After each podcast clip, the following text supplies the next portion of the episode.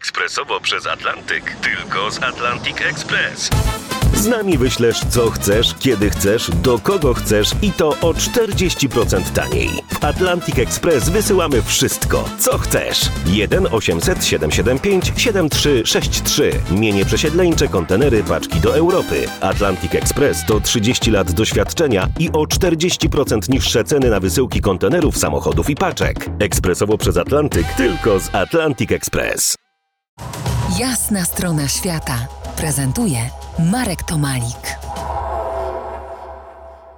Po jasnej stronie świata Artur Owczarski, autor książki Teksas to stan umysłu.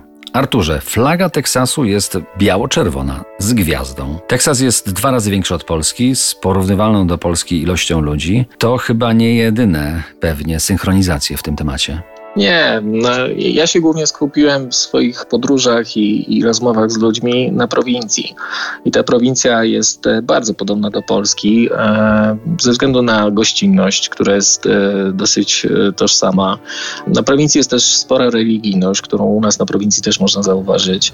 Jest e, duży nacisk na rodzinę, więc jest sporo tych podobieństw. Bandera. Wiem, że jesteś honorowym obywatelem tego miasteczka a zatem i jego fascynatem. Opowiedz nam o, o Banderze. Bandera jest drugą osadą najstarszą w, po, w, Stanach Zjednoczonych Polską e, po Annie Marii.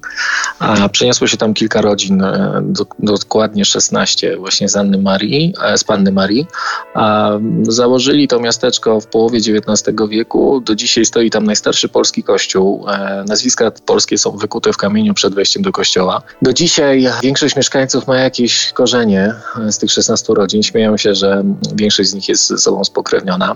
Nikt już po polsku nie mówi, oprócz e, znam chyba jedną czy dwie osoby, jest ksiądz polski i znam jedną dziewczynę, która pracuje w sklepie z upomnikami, która jest Polką. Ale z tamtych czasów już nikt tego polskiego nie potrafi, ale mimo wszystko e, naklejki w barach e, pod tytułem Keep Bandera Polish albo na strzelnicy z bronią Zapytaj Polaków o prawo do posiadania broni. Są takie elementy, które, które nawiązują do kraju ojczystego. No tak, druga najstarsza osada polska w Stanach, ale jednocześnie jest to światowa stolica kowboi. Rancha, hotele. To jest niewiarygodne, że światowa stolica kowboi jest osadą z, e, założoną przez Polaków I, i ludzi, którzy w Stanach jest to symptomatyczne, że każda miejscowość e, mówi o swoich korzeniach i skąd przybyli osadnicy. To jest to, o czym mówiłem wcześniej, że mm, stamtąd e, wychodził Western Trail, czyli miejsce, gdzie mm, gromadzili się pod miastem kowboje, wielkie stada bydła, wielu tysięcy sztuk, razem 10 milionów przez 25 lat. Tam było wszystko to, co znamy z filmów. Strzelaniny, salony,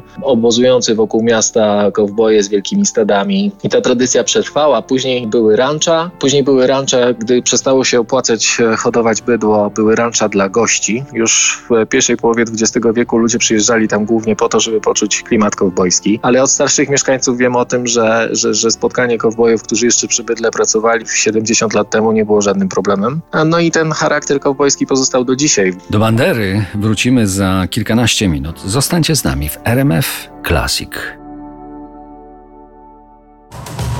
To jest jasna strona świata w RMS Classic.